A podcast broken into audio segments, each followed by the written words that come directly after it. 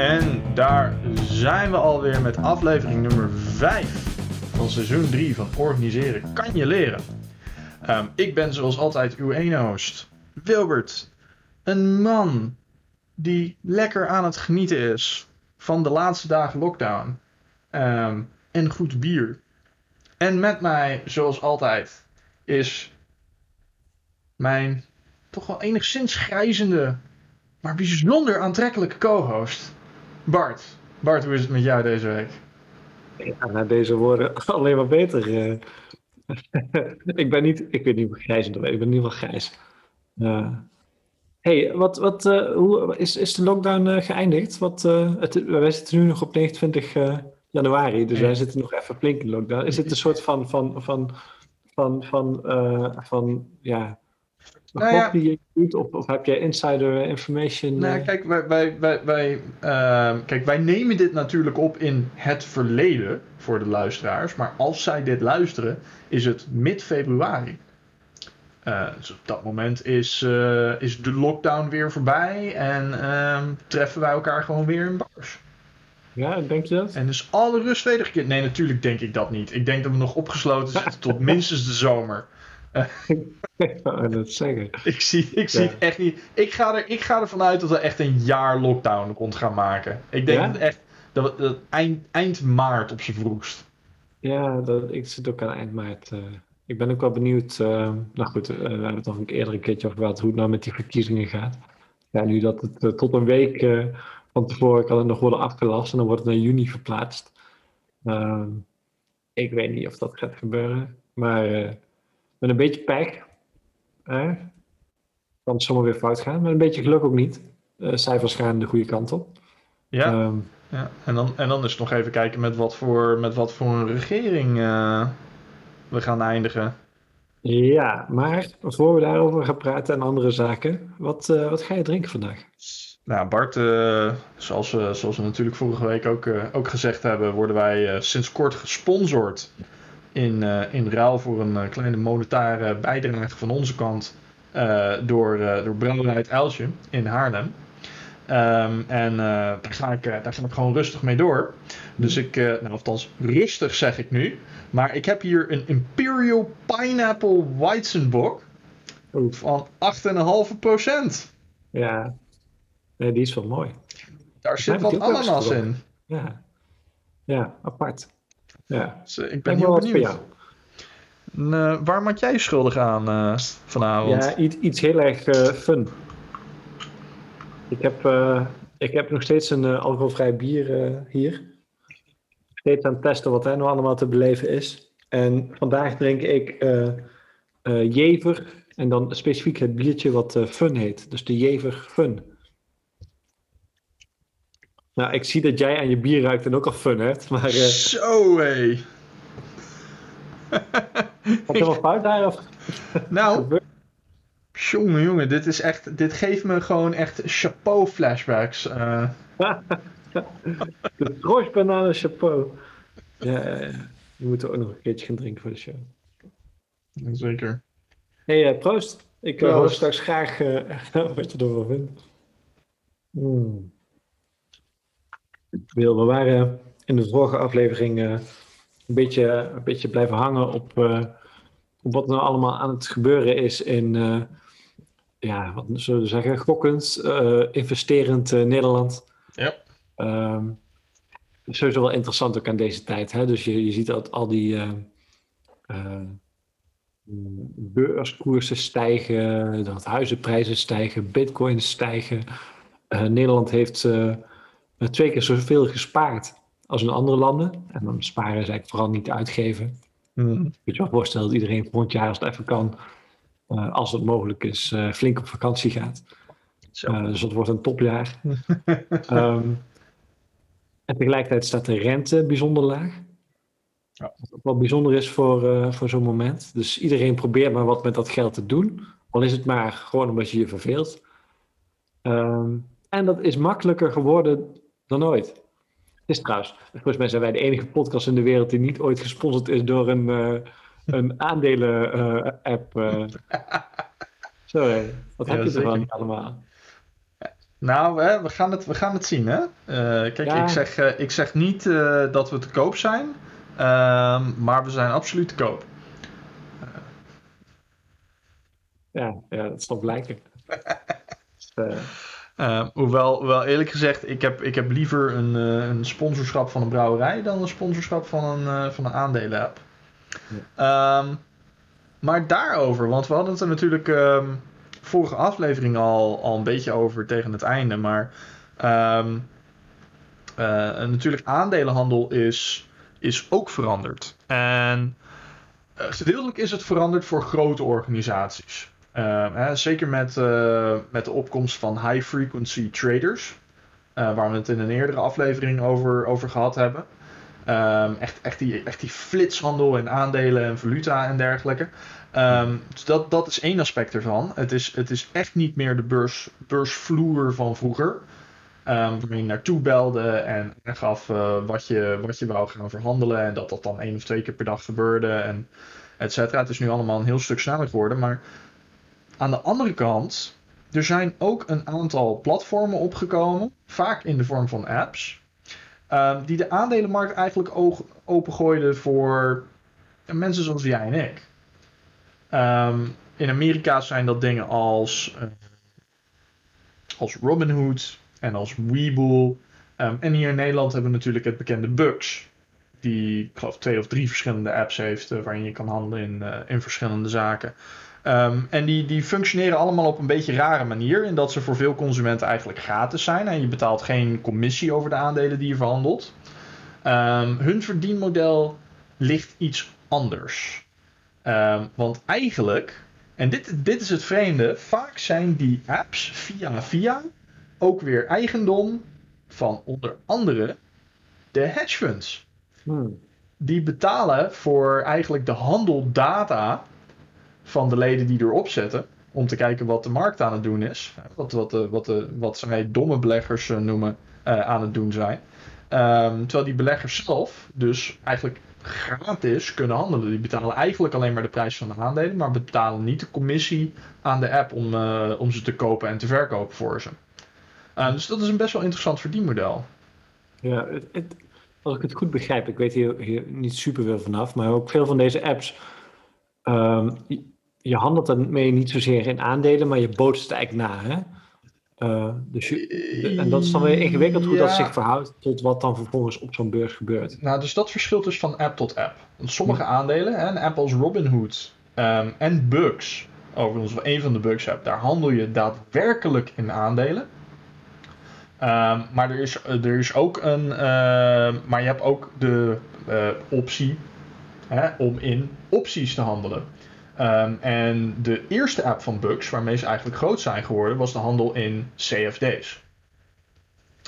Um, en dat, dat staat, geloof ik, en dit kunnen we verbeteren in de show notes, voor Contract for Difference. Um, dus dat is eigenlijk waarin jij, uh, waarin jij een optie koopt op iets, of geen optie, want dat is een specifieke term, maar in ieder geval je gaat een contract aan, uitgaande van dat de koers of omhoog of omlaag gaat. Um, om, dat, om dat te coveren. En daar kan, je dus, daar kan je dus bepaalde winst op maken.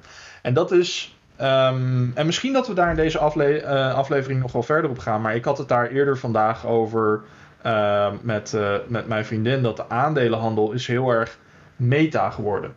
Uh, als je kijkt naar hoe de beurs in elkaar zit. Het is niet alleen de handel in puur aandelen. Maar wat je vaak ziet is via contracten wordt een aandeel gewoon twee, drie, vier, op vier keer verschillende manieren uh, verhandeld. Dus en het aandeel zelf en de optie op aandelen en een contract for difference op die optie uh, en een short positie ook nog eens. Um, waardoor er eigenlijk veel meer geld omgaat in de aandelenhandel dan puur de waarde van dat aandeel zelf. Ja. En die apps bieden je de mogelijkheid als standaard consument om mee te doen aan dat hele festijn. Als je wil. Um, en, en gedeeltelijk kan dat, kan dat gewoon met echt geld dat je echt daadwerkelijk aandelen koopt. Gedeeltelijk kan het zijn met opties of CFD's of dat soort dingen. En uh, Bugs uh, is zelfs zo ver gegaan dat ze je ook laten handelen in. Uh, om even kennis ermee te maken in virtueel geld. Gewoon om te kijken hoe goed je het zou doen. En je dan later de optie te bieden om met echt geld het spelletje nog eens een keer te spelen. Ja. Um, en dat is het ook wel zo'n beetje. Maar wij hadden het daar voordat we met opname begonnen ook al over. Ehm, is in wezen is aandelenhandel niet heel verschillend van gewoon Holland Casino binnenlopen. Hm. Nee, nou, dat is ook alweer leuk. Dus ik was, uh, ik was deze week even bezig met die biografie van Keynes. Die uh, vrij uitgebreide analyse maakt juist van, van wat de aandelenbeurs nou precies is. Hij was zelf ook beurshandelaar. Um, later heb je, heb je Minsky als, uh, als econoom die daar ook veel mee bezig was. Die uh, grote, grote crisissen ging, ging, ging eigenlijk uitleggen hoe die binnen, binnen, binnen economische, systemen passen, waarom ze, ze voorkomen. En dat soort klassieke economen die hadden al heel veel aandacht voor de inherente onstabiliteit van financiële markten. Um, en juist omdat dat, dat, dat sentiment, um, maar ook de groei van, van zo'n markt, als die niet gereguleerd is, of, of zo gereguleerd dat die groei mogelijk is, kan ervoor zorgen dat zo'n markt, uh, dat, dat er dingen gebeuren die vervolgens weer effect hebben op de echte wereld die die, die behoorlijk destructief zijn. Nou, een voorbeeld daarvan is natuurlijk de kredietcrisis. Hè? Mhm. Eh, en eigenlijk ook het, het, het gokken op het gokken op het gokken wat je daar hebt gezien. Uh, een simpel idee uh, waar je aan kan denken is de vraag van, joh, je hebt, je hebt kapitaal, je kunt ergens in gaan investeren en jij kunt, gaan, jij kunt bananen gaan verbouwen. dus dan, dan, maak je een product dat, dat een bijdrage levert in de reële wereld, namelijk dat mensen bananen kunnen eten. Eh, maar je kunt ook in de bananenprijs gaan handelen. En we zitten nu in een wereld waarin dat tweede vaak winstgevender is als het eerste. Dat is best mm. problematisch. Ja. Ja, zeer zeker. Zeer zeker. Dat is natuurlijk allemaal hele linkse praat, uh, Wil. Nee hoor, want dit, dit, um, het interessante is, dit, dit hoor je ook heel erg in de, in de speculatieve kringen. Um, um, en, en de wat meer liberale kringen. Is dat ik heb op een bepaald moment ook een, uh, uh, meegedaan aan een, aan een entrepreneurship uh, traject. Eigen bedrijf ontwikkelen en ook een mentor krijgen van, van iemand van een bestaand bedrijf. En, en eigenlijk iedereen die toen bezig was met zijn bedrijf kreeg ook gewoon het advies van... Als je het kan vermijden, um, word geen NV. Ga geen aandelen uitgeven.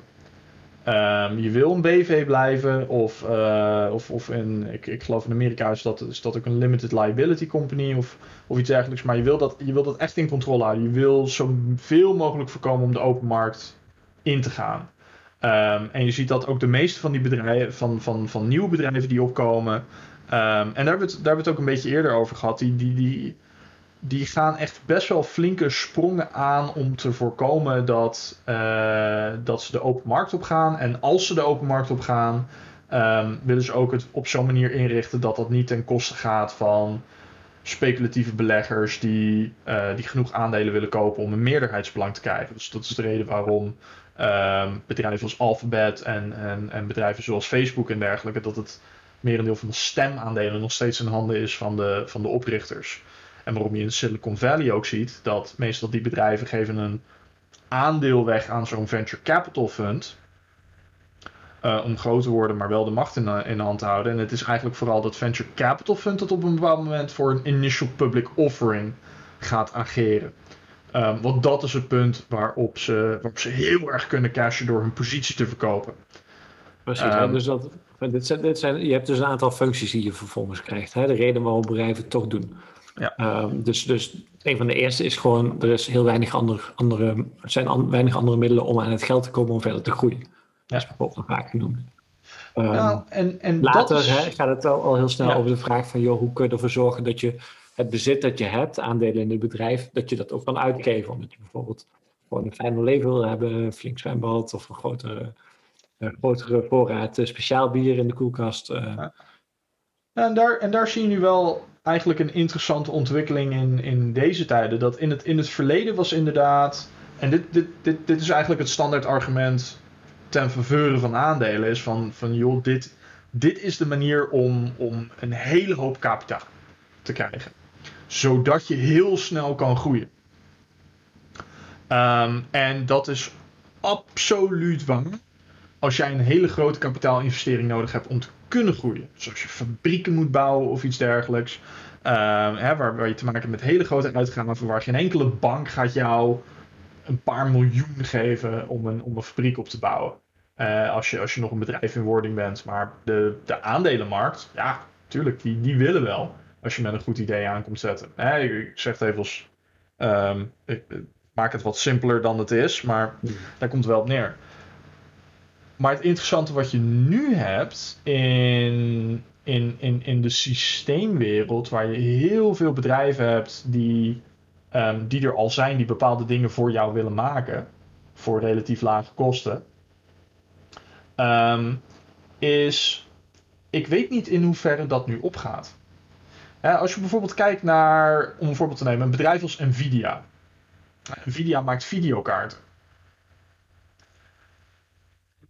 Maar als je wat meer inzoomt daarop, is het eigenlijk heel raar opgezet. Want Nvidia maakt helemaal geen videokaarten. Zij hebben helemaal geen eigen fabrieken. Hm. Nvidia maakt ontwerpen voor videokaarten. En die ontwerpen, die licentiëren zij vervolgens. Ze laten af en toe een aantal dingen zelf maken. Dat doen ze niet zelf. Ze hebben geen fabrieken. Nee, daarvoor gaan ze gewoon naar Foxconn. Of iets dergelijks. En die rolt die chips er gewoon uit. En op een bepaald moment hebben zij een nieuw chipontwerp opgeleverd. Gaan ze die zelf maken? Absoluut niet. Dat ontwerp licentiëren ze aan bedrijven die ook weer of hun eigen, of hun eigen systeem hebben of ze ook weer inkopen van anderen. Um, en um, wat, je, wat je natuurlijk vroeger had, en, en nog steeds, hè, sommige bedrijven hebben echt hebben hun hele supply chain zelf in handen. En om dat te doen, zeker als je fysieke goederen maakt, heb je echt best wel veel kapitaal nodig voordat je, voordat je op gang bent gekomen. Maar wat je nu meer en meer ziet, is eigenlijk bedrijven die dat helemaal niet doen. Um, hè, die, die, die veel liever zeggen van, weet je wat, wij doen een, bepaald, een bepaalde stap in dit, in dit gedeelte. Wij doen het ontwerp of wij doen de uiteindelijke verkoop. Maar al het andere besteden wij uit aan bedrijven um, die al die middelen al hebben. Um, en dan is het nog maar de vraag van op welk punt heb jij dan een kapitaalinvestering nodig van de grootte die jij kan krijgen door naar de beurs te gaan. Um, hè, in hoeverre, hè, als, je, als je het vergelijkt met een bedrijf als Atlassian. Atlassian maakt bepaalde hele slechte software voor projectmanagement.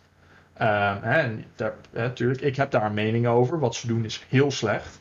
Um, maar hoe dat bedrijf ontstaan is, is eigenlijk gewoon uh, de twee oprichters gingen 10.000 Australische dollar aan creditschuld aan om de boel initieel op te bouwen. Ze hebben eigenlijk nooit een kapitaalinjectie nodig gehad, want dat was software. Nou goed, software is een traditioneel voorbeeld, maar dit geldt evenzeer voor een Nvidia of een AMD die ook geen eigen fabrieken heeft. Um, heel veel um, uh, voor, voor bedrijven die stoelen maken. Voor, uh, het geldt voor alles. Dus die noodzaak die er ooit was voor de beurshandel als die kapitaalinjectie, die ging nog eigenlijk uit van een, van een paradigma dat van heel sterk geïntegreerde supply chains uitging. Waar je eigenlijk gewoon echt die hele end-to-end keten zelf wou beheersen. Maar dat paradigma, daar, daar, daar nemen we meer en meer afscheid van, omdat het gewoon niet zo heel interessant meer is tegenwoordig om dat te doen. Ja, ik, het is toch interessant dat je dat zegt, omdat een van de, van de dingen die je nu juist veel hoort tijdens, tijdens deze, deze pandemie, is dat het idee dat jij een schakel bent met een hele lange keten uh, aan bedrijven die met z'n allen iets maken, dat dat ook bepaalde zwaktes met zich meebrengt. Absoluut. Um, en dat dit wel eens een moment kan zijn dat we ons realiseren, of in ieder geval dat veel bedrijven zich realiseren dat dat eigenlijk niet is wat, wat, wat wenselijk is, dat het, heel, uh, dat het je kwetsbaar maakt voor, uh, voor bepaalde zaken dat het daarom misschien wel verstandig is om juist een wat meer geïntegreerde keten te hebben. Het, um, het hangt heel erg van het soort bedrijf of dat je bent. Um, dus, en, en, en waar je voor wil staan. Dus, dus traditionele voorbeelden van bedrijven die echt volledig geïntegreerd zijn, om een voorbeeld te geven, is um, IKEA. En die beheren alles vanaf het bos tot aan de winkel. Letterlijk, hè? echt vanaf het bos tot aan de winkel. Er komt geen enkel ander bedrijf aan te pas. Um, een ander mooi voorbeeld daarvan is Samsung. Samsung maakt alles zelf. Die, die beheren de hele, de hele keten. Het is een gigantisch bedrijf. Ja. Um, maar vergelijk dat um, vergelijk dat eens met een bedrijf als Zoom. Of Netflix. Hm. Netflix beheerst heel weinig van zijn keten. Ja. Al hun infrastructuur is Amazon. Ehm, heel veel van de dingen die ze maken, hè, minder, maar heel veel van de dingen die ze maken kopen ze in van andere netwerken. Dat is helemaal niet erg.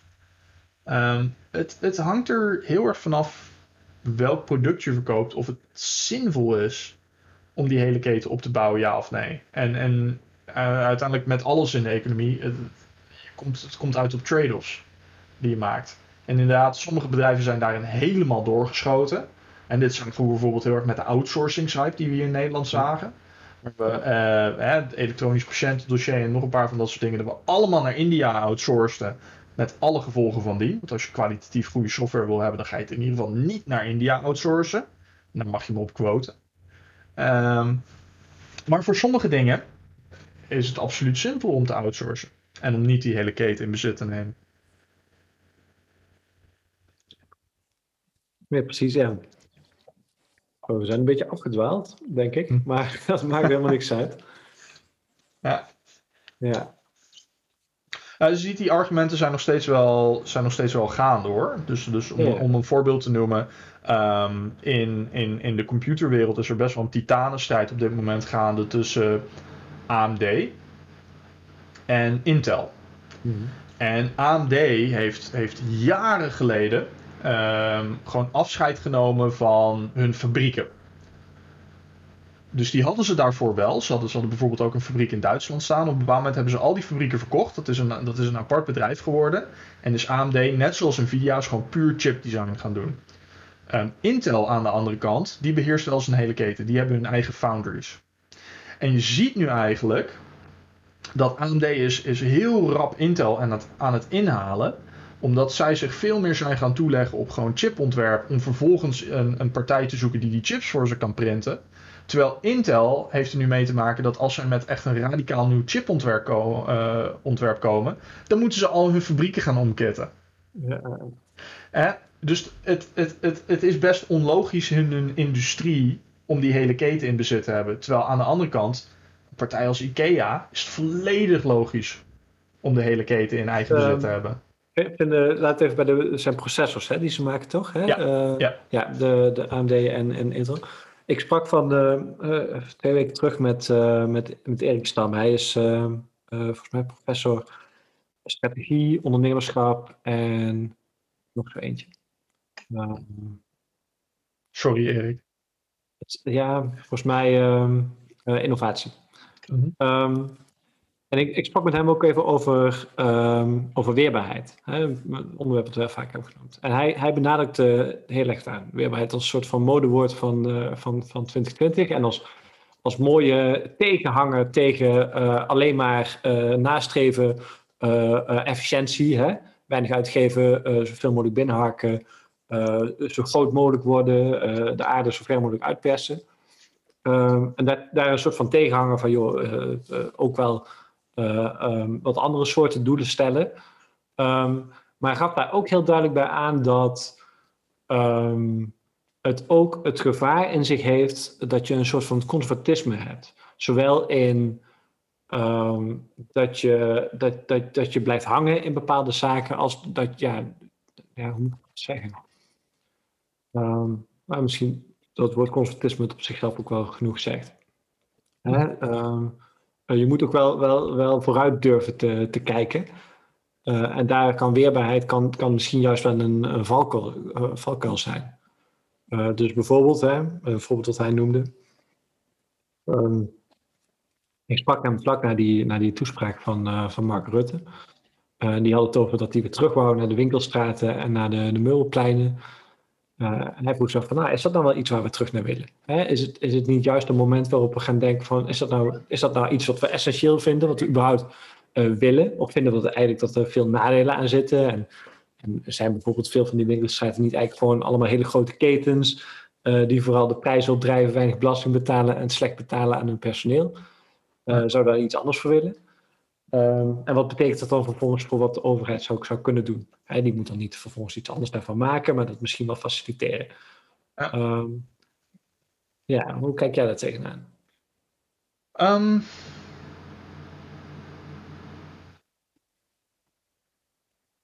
ja, ik ben daar, ik, ik, ik ben het daar wel mee eens. Ehm, ik, ik, ik ben niet zo, maar, maar dat, dat heeft misschien ook een beetje te maken met de industrie waar ik in zit. En tegelijkertijd ook weer, ik zit in die industrie van, vanwege een bepaalde overtuiging. Ik ben niet zo fan van nostalgie in die zin. Ehm, ik denk dat de veranderingen die nu uh, vereist van ons worden vanwege, vanwege corona. Um, ik denk dat corona minder een veroorzakende factor was dan wel een versnellende factor. Um, dus voor mij hoeven die winkelstraten niet zo. Um, ik, denk, ik denk dat het juist interessant nu is voor. En, en, daar komen we een beetje terug op de, uh, op de weerbarstige Kipcorn sponsor. Uh, die ooit tegen ons zei van, joh, ondernemers ondernemen. Um, en ik, ik denk dat we nu echt een, een, een fantastische gelegenheid hebben om nieuwe manieren van zaken doen te verkennen en nieuwe manieren van winkels runnen uh, kunnen verkennen met elkaar. Um, waar ik denk dat de winkelstraat eigenlijk best wel, best wel bekende koek was geworden. En je, en je, en je zag eigenlijk al dat het meer en meer ketens, dat er een bepaalde formule was. Um, en op het moment dat er een bepaalde formule is, dan weet je dat zo'n markt rijp is voor disruptie. En dat zien we nu. Ja. En ik, Ja, zou er niet, ik zou er niet naar terug willen, want dat, dat, dan, dan, dan, dan beperk je juist de kracht van een vrije markt. Ja, los nog even van of dat nou de kracht van die vrije markt is. Het- Je, je laat in ieder geval weinig creatieve krachten los. En maar maar ik, vond, ik vond juist dat er misschien juist wel een soort van, van valse tegenstelling zit. Hè? Misschien is dit wel het moment dat juist eh, die grote veranderingen die nu zouden kunnen komen, leiden naar iets wat, wat veel weerbaarder is. Dus bijvoorbeeld meer lokale initiatieven. Ja. Ehm, dat is ook wel iets wat je, wat je overal ziet. Misschien nog niet per se in de winkelstraat, maar dat, eh, dat kan ook nog wel komen. Ja, het, het, het, het voorbeeld dat, dat bij mij opkomt is. ehm, ik, ehm, ik koop altijd. Ik, ik, ik eet veel vlees. Want ik hou van vlees. Ik vind vlees lekker. Maar ik eet wel bewust. Dus ik koop altijd mijn vlees via bijvoorbeeld crowdbutching. Hm, ja. Ehm, en crowdbutching is typisch zo'n initiatief dat lukt omdat het gedecentraliseerd is en omdat het niet in een winkelstraat zit. Want het haalt bijna elke stap tussen mij en de boer weg. Ja. Eh, met voordelen voor mij als consument en met voordelen voor de boer. Ehm, en met voordelen ook nog eens voor de lokale economie, als we het dan over Nederland als lokaal hebben. Maar ik weet, ik weet exact waar mijn, waar mijn koe vandaan komt. Ik weet exact waar mijn kippen vandaan komen. Ehm, en ik denk dat initiatieven zoals dat in deze tijd ehm, juist heel veel steun hebben gekregen. Nou kan je het argument voeren van ja, maar hoe zit dat dan met de buurtslager? Ehm, en ja, daar heb je een punt. Weet je, die komt daar een beetje bekaaid vanaf. Tegelijkertijd heb ik ook weer een ander voorbeeld. Want soms heb ik zin in exclusief vlees. En dan wil ik, dan wil ik wagyu vlees of wil ik een lekkere eend of hè, iets, iets, iets naars. En dan hè, doet dat niet, want dat past niet binnen hun bedrijfsmodel. Want zij werken met, zij werken met, met, met, met grote boeren. Dus dan ga ik naar, eh, naar andere online slager, die Beef Steak. Eh. En dat is gewoon een slager die op een bepaald moment, hè, de- ik geloof tweede of derde generatie eh, slager, die op een bepaald moment de stap naar online gemaakt heeft. Die hebben nog wel ergens een winkel.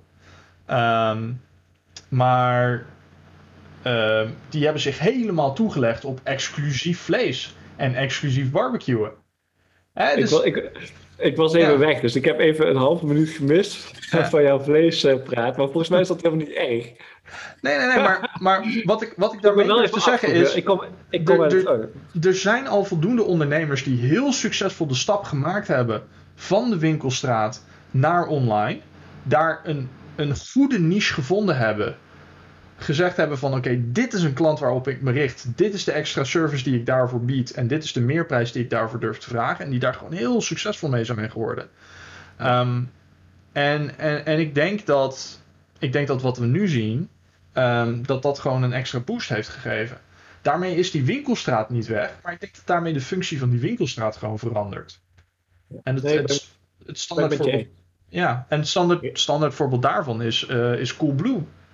Die hebben op een bepaald moment, die begonnen online en die hebben op een bepaald moment fysieke winkels geopend. Niet, niet als primair verkoopkanaal, maar omdat zij gewoon merkten van, hé, hey, mensen willen snuffelen. Die willen gewoon bepaalde dingen zien met elkaar. En het scheelt ons dingen, dingen ophalen en retourzendingen en dat soort zaken, als ze het even in het echt kunnen zien. Ja. Dus dat is ook, ook, ook weer zo'n raar ding, van die, die benaderen die winkelstraat op een totaal andere manier. Nee, interessant. Ik, eh, ik kom in een dorp waar vroeger een slager was, maar eh, daar, eh, daar is geen kans dat dat weer terugkomt. Dat gebeurt gewoon niet. Nee, ik Dus zou... dat is goed voorbij.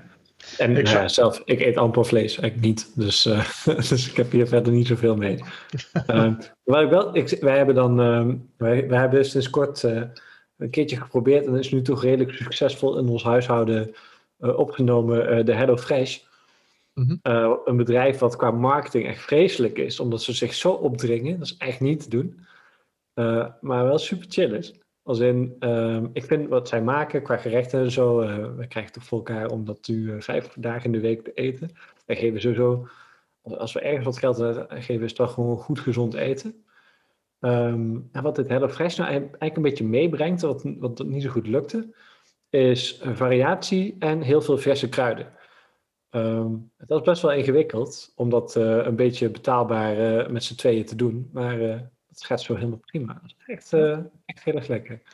Ja. Zo, wij zitten trouwens wel goed te sponsoren, eh, reclame te maken. Nee, hier. ik heb, ik heb vergelijkbaar. Ik ben, wij, wij zijn heel groot fan van Picnic hier. Ah, ja. Ja. Ik vind, een fantastische formule en ik, ik snap nog steeds niet waarom, waarom Albert Heijn niet gewoon niet, niet doorheeft wat er aan het gebeuren is. Maar ik weet niet of ze dat niet doorhebben. Nou, het is, hè, eh, eh, laat ik zo zeggen, wij, wij, wij, wij hebben eh, eind vorig jaar op een bepaald moment via, via AH eh, weer, weer eens wat laten bezorgen, omdat Picnic gewoon helemaal volgeboekt zat.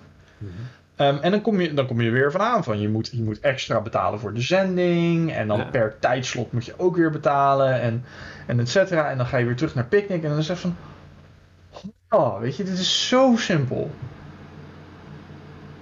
Weet je, als je concurrent dit aan het doen is, waarom hou je dan nog vast aan je eigen model?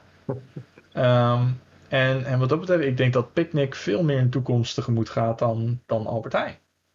Of Jumbo. Eh, Nee, dat weet ik niet. Ik denk dat voor beide nog een hele lange tijd plaats zal zijn. Oh, ik denk het, ik denk het ook hoor. Ehm, maar ik denk dat Picnic geen markt, eh, markt, marktaandeel gaat verliezen. Nee, bij, bij, maar Albert Heijn is iets anders aan de hand. Maar dat zit meer, meer in wat het bedrijf is. Hè? Dus eigenlijk Ahold als geheel.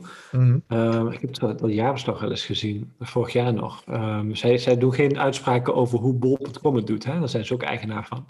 Ja. Maar als je een beetje er doorheen kijkt, zie je eigenlijk wel dat ze daar geen winst maken. Dus ze verdienen eigenlijk niet met bol.com. En dat is op het moment dat Amazon eigenlijk nog niet in Nederland is. Oftewel, dat kan, geen, dat kan niet lang meer duren. Of ze moeten de, misschien dat Coolblue bol.com opneemt en het eh, opkoopt en er een, eh, een ander soort bedrijf van maakt. Dat zou misschien nog kunnen gebeuren.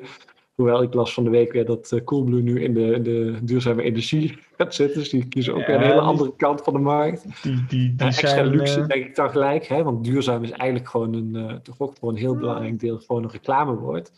Cool- waar mensen Coolblue- graag geld aan uitgeven. Coolblue heeft, heeft heel erg een bepaald segment voor ogen. Ja, precies. Ehm, Ja. maar daar, daar kunnen we het misschien beter in een, in een volgende aflevering over hebben. ja. We beginnen weer aan onze timebox te komen. Ja, Ehm je biertje, Bart? Het, ehm, ik, ik heb eigenlijk gelijk opgeschreven eh, dat het eh, smaakt naar eh, een klassieke pils. Hm. Eigenlijk drinken wij speciaal bier hier. Maar bij, bij de alcoholvrije is me dat toch even niet gelukt. Ehm, dus het, nee, het was, het was heel fun. Nou, Fun bier. Ja. Ik zeg, het meeste, meeste wat ik op heb van Jever is eigenlijk best wel, best wel goed. Ja. Ehm, Ja, de Imperial Pineapple Weizenbock. Weet je, het is zo'n het is zo'n lekkere combinatie van een hele hoop verschillende dingen. Hm. Eh, als, je, als je die titel leest. En eigenlijk wat er, wat er vooral uitspringt is, ehm, is, is pineapple en weizen. Ehm, het is. de, de eerste keer dat je eraan ruikt, zit je echt even van. Wow.